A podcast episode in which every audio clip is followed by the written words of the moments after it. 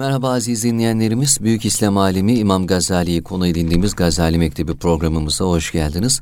Aziz Mahmut Hüdayi Vakfı Suffe Meclisi İslami İlimler Merkezi Müdürü çok kıymetli Mehmet Büyükmutlu hocamızla birlikteyiz. Bendeniz program sunucunuz Muhammed Safa Ulusoy. Değerli dinleyenler, zamanın ötesindeki bir ruhun izindeyiz epey bir bölümdür. İmam Gazali'nin yolu sadece kendi çağının toprakları üzerinde değil, zamanın dışında sonsuz izler bırakan bir yoldur. Bugün Gazali Mektebi'nde İmam Gazali'nin hayatına ve çalışmalarına bir ışık tutma gayretinde daha olacağız. Çünkü o yalnızca bir düşünür değil, gelecek nesillere de ışık tutan bir rehberdi. İslam dünyasının parıltılı yıldızlarından biri olan İmam Gazali sadece ilmi birikimiyle değil, ruhunun derinliklerine yaptığı yolculuğuyla da tanındı, bilindi. İslami ilimlerdeki başarısı sadece bir bilgenin değil, ruhunu ilmiyle besleyen bir hakikat talibinin öyküsüydü. İlmi donanımı sadece kitaplarda kalmadı, onun nesillerin ve asırların ruhunu ve kalbini de aydınlattı. O insanın hakikat yolunda bir seyahate çıktı ve bu yolculuğun ışığını gelecek nesillere de aktardı. Kıymetli hocam, hoş geldiniz, şerefler verdiniz. Hoş bulduk, teşekkür ederim. Bereketli bir program olmasını temenni ediyorum. İnşallah, eksik olmayınız. Değerli hocam, bir önceki bölümümüzde İmam Gazali'nin hayatından epeyce ilerlemiştik. Şam yolculuğuna kadar gelmiştik. Hatta evet. biraz daha ilerlemiştik. Önce hayatını bitirelim, tamamlayalım. Daha sonra çalışmalarına göz atmaya başlayabiliriz diyeyim. İnşallah. Uzlete çekildiği dönem Gazali'nin hayatında çok önemli. Bizlerin de hayatımızda çok önemli bir yeri var. Uzlet'te yazdığı çok önemli bir eser var. Onu da konuşacağız. Ama e, yolculuğu Şam'aydı. Önce Şam'ı konuşalım. Daha sonra da e, Uzlet'inin detaylarını ve hayatının detaylarını sizden dinleyelim. Şam neresidir bugün? Evet. Bununla alakalı bir başlangıç yapabiliriz. İnşallah. Şam deyince ne gelecek aklımıza? Bismillahirrahmanirrahim. Elhamdülillah ve salatu ve selamu ala Resulillahi ve ba'd. Muhterem kardeşim, kıymetli dinleyenlerimiz. İmam Gazali'nin Şam'a olan seyahati Nizamiye Medresesi'nde elde edilebilecek tüm ilmi rütbeleri elde etmesinden sonra orada dersi am diyebileceğimiz umumi manada baş hoca, baş müderris olduktan sonra cereyan ediyor. O süre zarfında ki İmam Gazali rahmetullahi aleyh 6 sene kadar Nizamül Mülk ile bu ordugah dediğimiz askeri garnizon şehrinde oradaki ilim erbabıyla birlikte oluyorlar. Arkasından 4 sene kadar Bağdat'ta Nizamiye Medresesi'nde Nizamül Mülk'ün kurduğu için ismi verilen medresede baş hocalık yapıyor. O süre zarfında İmam Gazali mütalaa ettiği bazı kitaplardan, tasavvuf kitaplarından, dervişhane sufi kitaplarından Ebu Ali Farmedi, Hamedani, Ebu Talip el-Mekki, Haris el-Muhasibi gibi büyük zatların, saadattan olan kimselerin kitaplarını, Cüneydi Bağdadi gibi kimselerin görüşlerini okuduktan sonra artık niçin dünyaya geldik, kulluk sebebimiz nedir, peygamberin bir ümmeti özellikle Allah Teala'nın kulu olmaya götürecek olan arayış nasıl olmalıdır ve hakikatin Allah Teala'nın rızası olduğundan hareketle hakikat nedir? sorularından ve suallerinden sonra bu arayış içerisine giriyor. 6 ay kadar kendi nefsiyle bir mücadelesi var. Kendini ikna etse de nefsini, yönelişini ikna etmeye, hayatını tamamıyla değiştirecek bir karar almaya ve nihayetinde bütün e, sahip olduğu unvanı, ilmi müktesebatı, öğrencilerini, işini, oradaki müderrisliğini bir kenara bırakmak suretiyle tamamıyla dünyadan el etek çekerek nefsi tezkiye diyebileceğimiz bir halvet, bir inziva hayatına teşebbüse giden 6 aylık bir süreç var. Nihayetinde geçirdiği bir hastalık ki bunu İmam Gazali kendi başıma bu kararı almış olsam bile tatbik edemedim. Allah Teala'nın vermiş olduğu bu imtihan ile tamamıyla niyetinde ve sadedinde olduğum inzivaya yöneldiğini ifade ediyor. Nihayetinde İmam Gazali Bağdat'tan Nizamiye medresesinden ayrılarak 488 yılında ayrılıp Hatta bunu bizatihi kendisi İmam Gazali tarih düşmek kaydıyla Recep ayında 488 yılının Recep ayında yerine de kardeşi Ahmet Gazali'yi bırakarak Bağdat Nizamiye Medresesi'nden ayrılıyor. Önce bu süre içerisinde haç yapıyor. Arkasından Şam bölgesine geçiyor. Ee, burada e, Kudüs'e de Beytül Makdis'e de birkaç defa gidip geliyor. Ee, Şam dediğimiz zaman şunu ifade etmek gerekiyor. Bugün sınırları çizilmiş, coğrafi olarak siyasi sınırlar dediğimiz ülkelerin e, özellikle Arap ülkelerinde Afrika kıtası özelinde cetvelle çizilmiş sınırlardan bahsetmek mümkün değil. E, bugün Şam dediğimiz zaman, Suriye dediğimiz zaman, Bağdat dediğimiz zaman belirli bir şehirden, belirli bir ülkeden, belki belirli küçük bir mıntıkadan veya mahalleden bahsediyoruz ama tarihsel olarak baktığımız zaman Şam özellikle tarih kaynaklarımızda, Arapça tarih, tarih kaynaklarımızda Biladuş Şam olarak geçer. Bilat Arapçada belde kelimesinin cemisidir, çoğuludur. Yani birkaç bölgeden oluşan Şam bölgesi demektir. Bugün bizim Biladu Şam denildiğinde kaç ülkeyi içine aldığını belirtmemiz gerekirse içinde Suriye, Lübnan, Ürdün, Filistin'in bazı bölgeleri ve hatta Türkiye'nin de güneydoğusunda bazı bölgelerinin de içerisinde olduğu bir mıntıkadan bahsetmemiz gerekiyor. Yani Şam denildiğinde sadece şu Suriye'nin başkenti olan bir yerden bahsetmiyoruz. Şam bölgesi, Şam beldeleri, mıntıkası denildiğinde içerisinde Suriye, Lübnan, Ürdün, Filistin'in belli bir bölümü ve hatta Türkiye'nin de güneydoğusundaki bazı yerleri içine alan büyük bir coğrafi yerden bahsetmiş oluyoruz. O yüzden Gazali Şam'a gittikten sonra e, başka bir ülke olan Filistin'e gidiyor değil. Şam bölgesinde başka bir kente gidiyor. Hmm. Çünkü Biladu Şam denildiği zaman onların hepsini içine alıyor. Hatta şöyle bir durumdan daha bahsedebiliriz. Nüzul İsa ile alakalı Efendimiz Aleyhisselatü Vesselam'ın rivayetlerinde geçen mıntıka Şam bölgesi olarak geçer. Cenab-ı Peygamber Hazreti İsa'nın nüzul edeceği, dünyaya nazil olacağı, geleceği ahir zamanda ve hatta kıyamet alameti olarak Hazreti İsa'nın nüzul edeceği yer olarak e, Şam bölgesinden bahseder. Başka bir rivayette Emevi Camii'nden bahseder. Başka bir rivayette farklı bir bölgeden bahseder. Enver Şah el-Keşmiri e, Hint alt kıtasının önemli alimlerinden Et Tasrih bima tevatara fi nuzulül Mesih isminde bir kitap yazıyor. Kitap e, Hazreti İsa'nın ahir zamanda dünyaya gelişiyle alakalı olarak zikredilen rivayetlerin tevatürü, kuvvetli ve sahih oluşu şeklinde tercüme ediliyor. Burada Enver Şah el-Keşmiri takribi olarak 80-90 sahih ve mütevatir derecesine ulaşmış bazı rivayetlerden bahsediyor. Bu kitabı neşrederken ve tahkik ederken merhum Abdülfettah Ebu Gudde Hoca bu rivayetleri aşağı yukarı 120'ye kadar çıkarıyor. Yani Cenab-ı Peygamber aleyhissalatü vesselamın Hazreti İsa'nın nüzulüyle alakalı olarak zikrettiği takribi olarak 120'ye kadar ulaşan rivayetler var.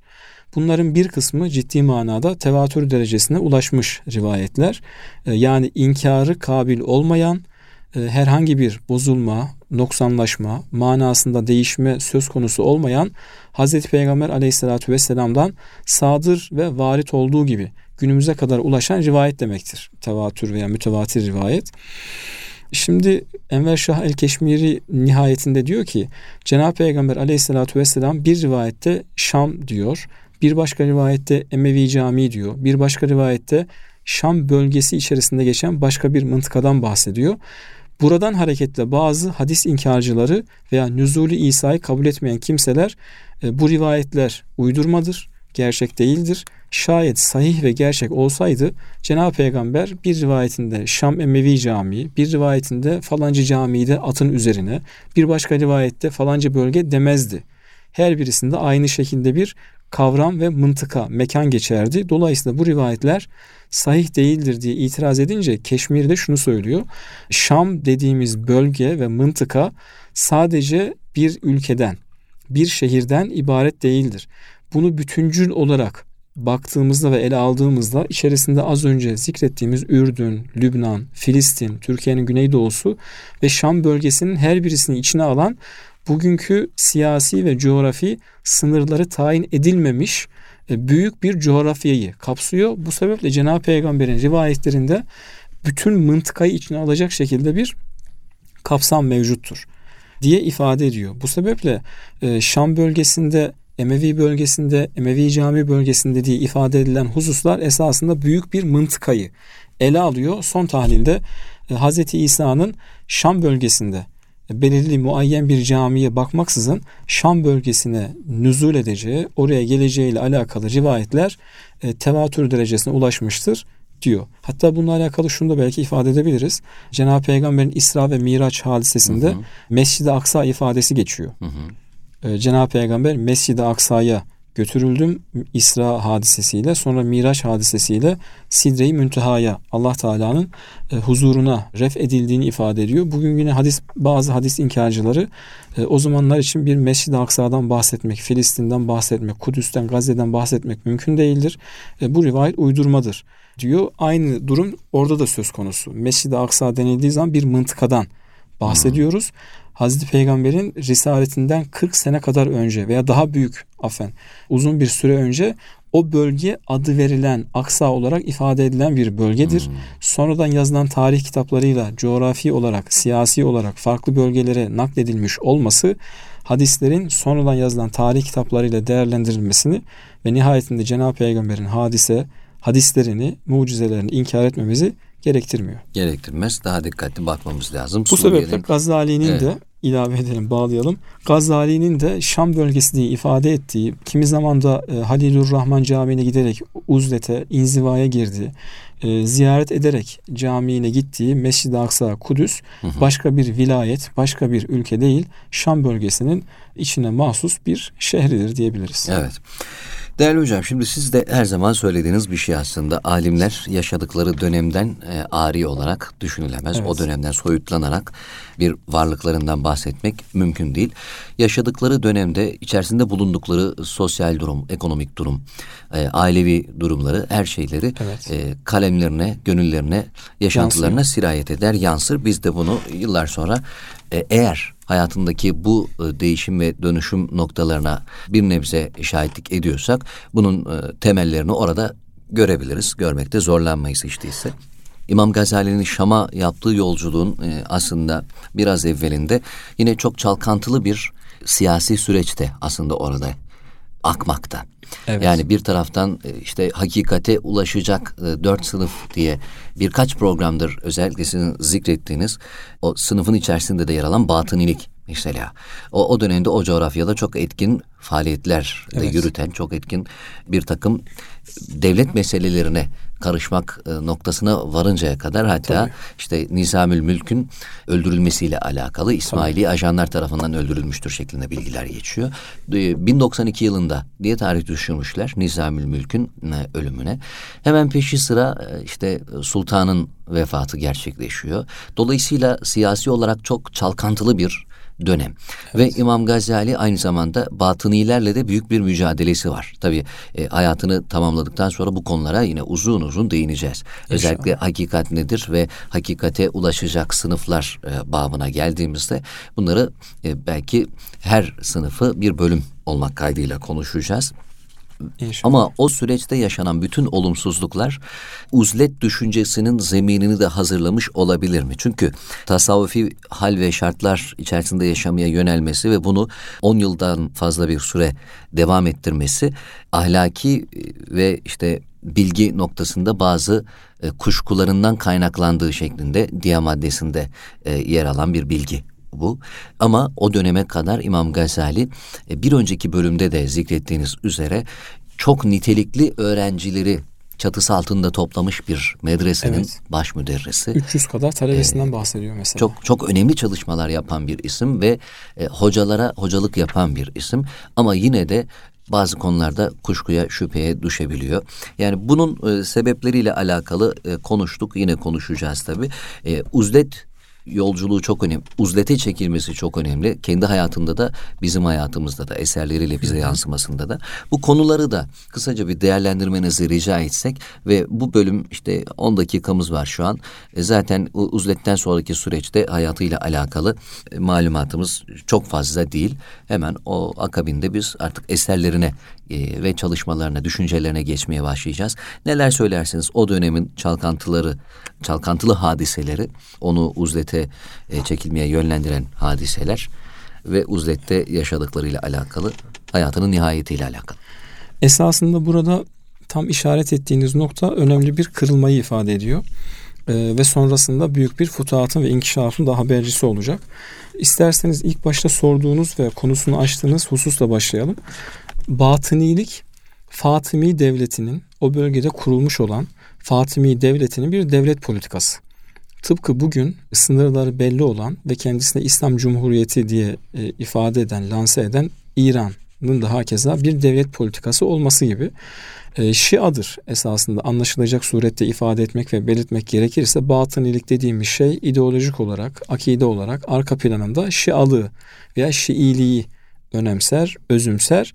Bununla yetinmez. Bunun e, bir devlet politikası olarak yayılmasını, şuyu bulmasını e, ve sempatizanlarının, partizanlarının, e, ideologlarının, inanç sahibi mensuplarının kabullenerek yayılmasını, dağılmasını ve çoğalmasını ister.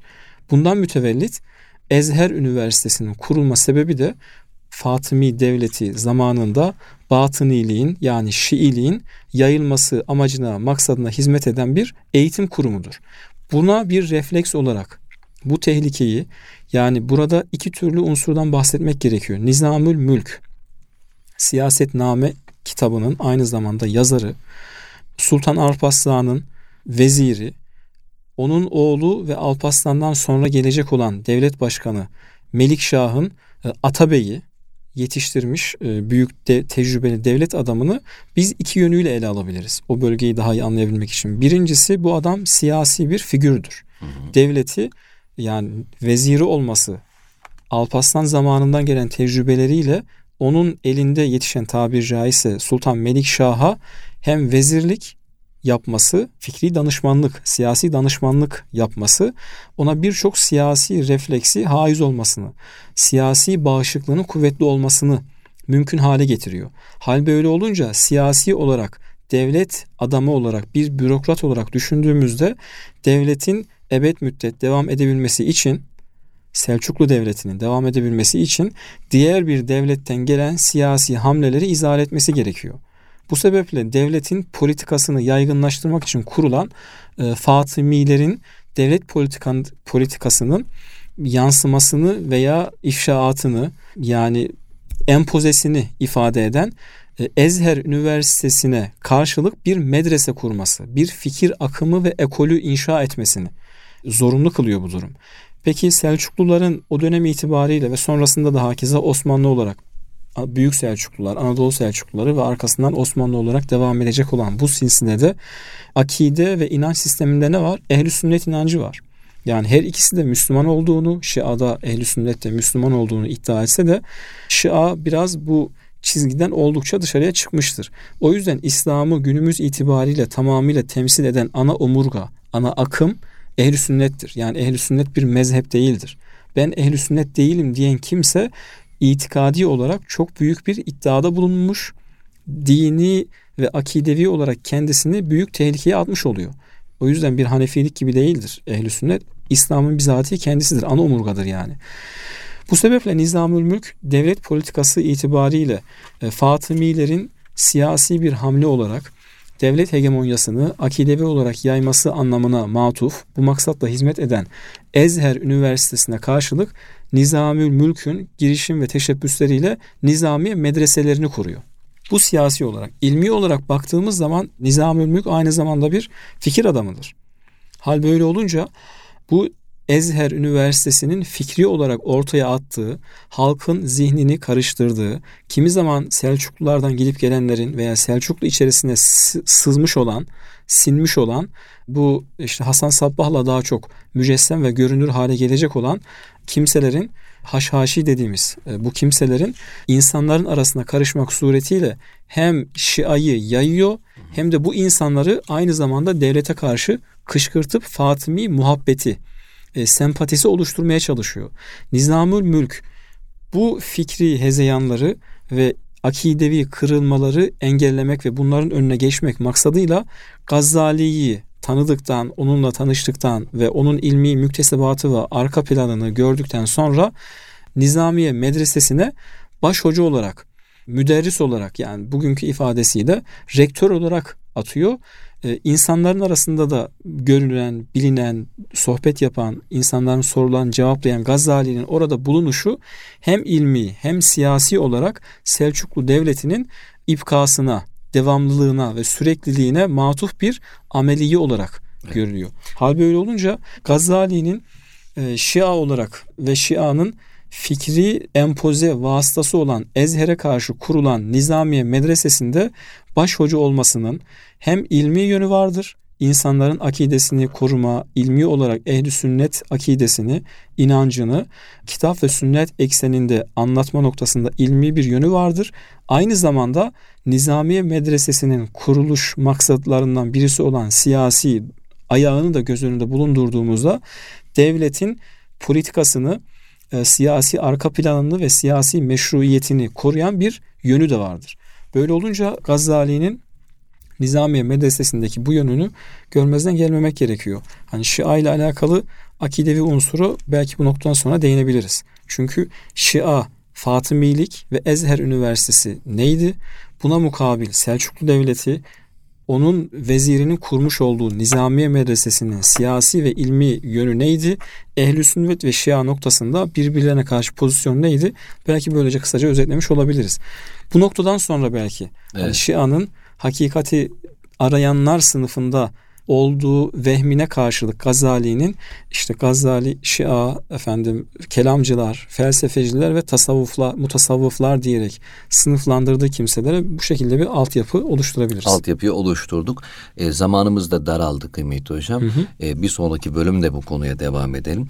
E, hayatından e, da tabii devam edeceğiz. Çok çalkantılı bir dönem demiştik evet. hocam o durumla alakalı. Sizin de zaten biraz evvel e, anlattığınız e, bütün meseleler süreci de özetleyen meseleler. İmam Gazali'nin 10 yıllık bir es, es verdiği süreç var. Evet. Ee, o 10 yıl e, ilmi çalışmalar noktasında nasıl değerlendirilebilir? Bunu sorayım. Hmm. 4 3-4 dakikamız var şu an.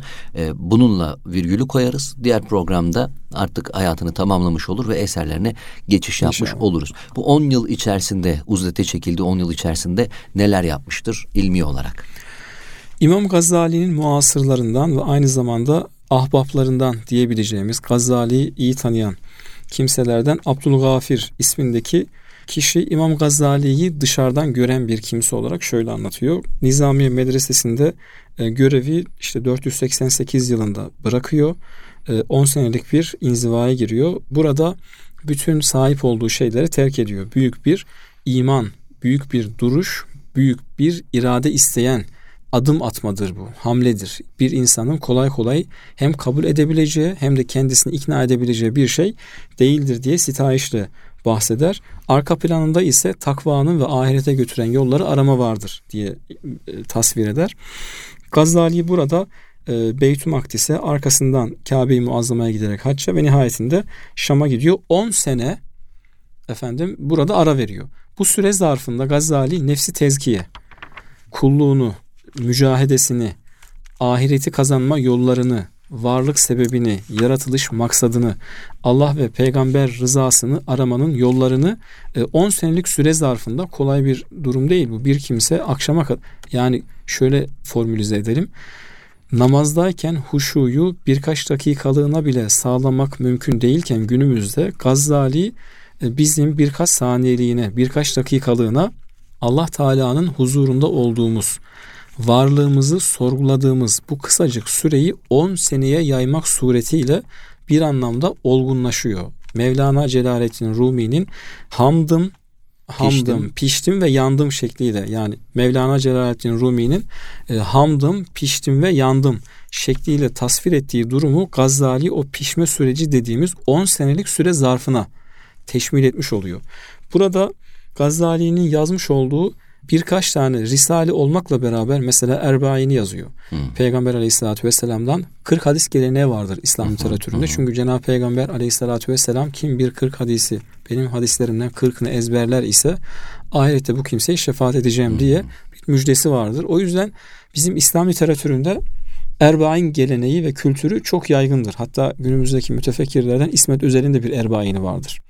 İmam Nevevi'nin hakiza, Özellikle en meşhur olanıdır. Nevevi'nin bu Erbaini üzerine şerhler de hakeza vardır. Teftezani bunlardan bir tanesidir mesela. Gazali'nin hakeza yazmış olduğu Erbain var. Sonra bazı risaleler var. Hı hı. Ama, ama en önemlisi Gazali'nin e, kendisiyle anılacağı baş yapıt eserlerinden bir tanesi İhya-u Ulumiddin'dir. Evet. Dini ilimlerin ihyasıdır. Burada 10 senelik hülasanın 10 senelik inzivanın hülasasıdır bu. Peki Gazali'nin ihyası neyi ifade ediyor? Şununla belki bitirebiliriz. Çünkü Gazali'nin ihyasına girdiğimiz zaman bu birkaç program belki alabilir. Tabii belki daha fazla. Dolayısıyla Gazali'nin ihyası, İhya-i Ulumiddin bir tasavvuf eseri değildir. Değildir. Böyle Tam e, manası nedir hocam? İhya-i Ulumiddin. Dini ilimlerin ihyası diyor. Fakat biz dini ilimler dediğimiz zaman formal ve normal. Yani normal derken normu olan, normatif, e, normatif normu olan, metodolojisi olan doktriner ilimlerden biraz bahsediyoruz. Biraz daha açalım hocam. Biraz Fıkıh anlaşılabilir gibi, olsun. hadis gibi, tefsir gibi evet. e, olan. ilimlerden tabii veya işte psikoloji gibi, sosyoloji gibi akli ilimlerden yani belirli bir ilim diyebileceğimiz usul ve metodolojisi Hı-hı. olan ilimler kastedilir. Şimdi ihyadan kasıt bir yere kadar gelmiş olanı kamil noktaya taşımak mıdır yoksa bir arındırmak mıdır? Aslında Öyle mi? Nasıl ikisi de var, ikisi de yok. Şöyle demek lazım. İhya-i Ulumiddin derken Gazali bu formal ilimlerden, normatif ilimlerden bahsetmiyor.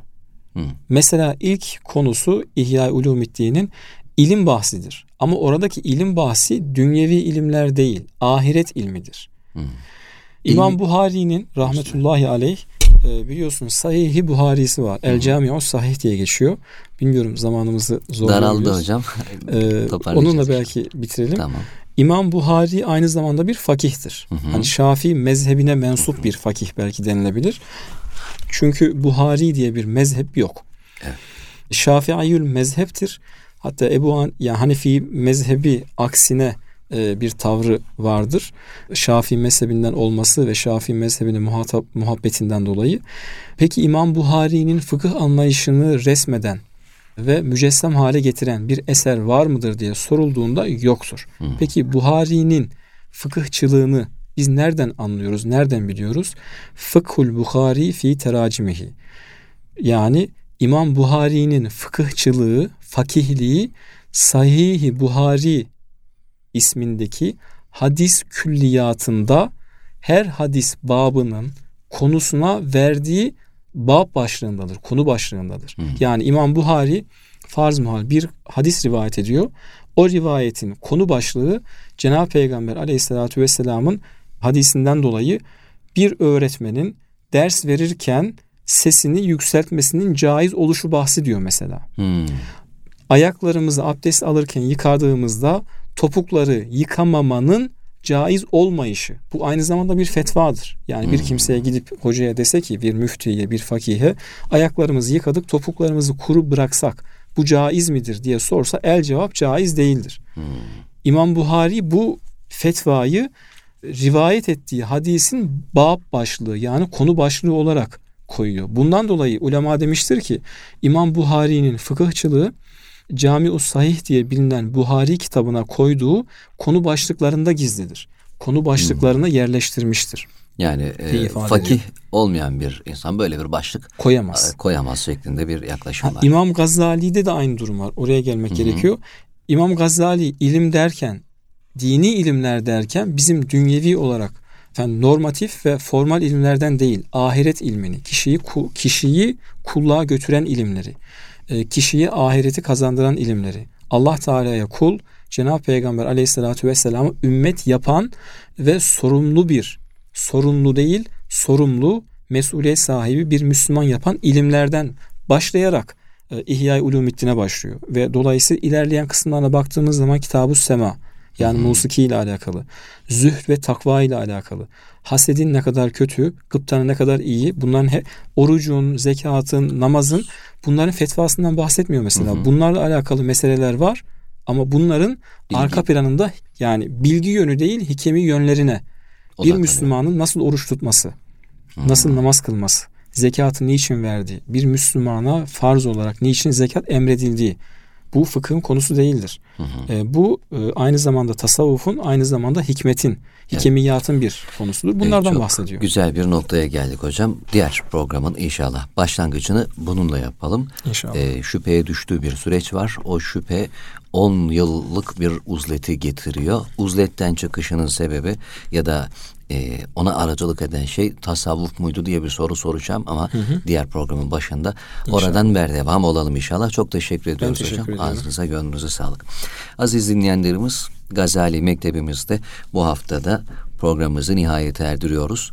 Aziz Mahmut Hüdayi Vakfı Suffe Meclisi İslami İlimler Merkezi Müdürü çok değerli Mehmet Büyükmutlu hocamızla birlikteydik. Bir sonraki programda tekrar görüşebilmek dileğiyle hoşçakalın efendim.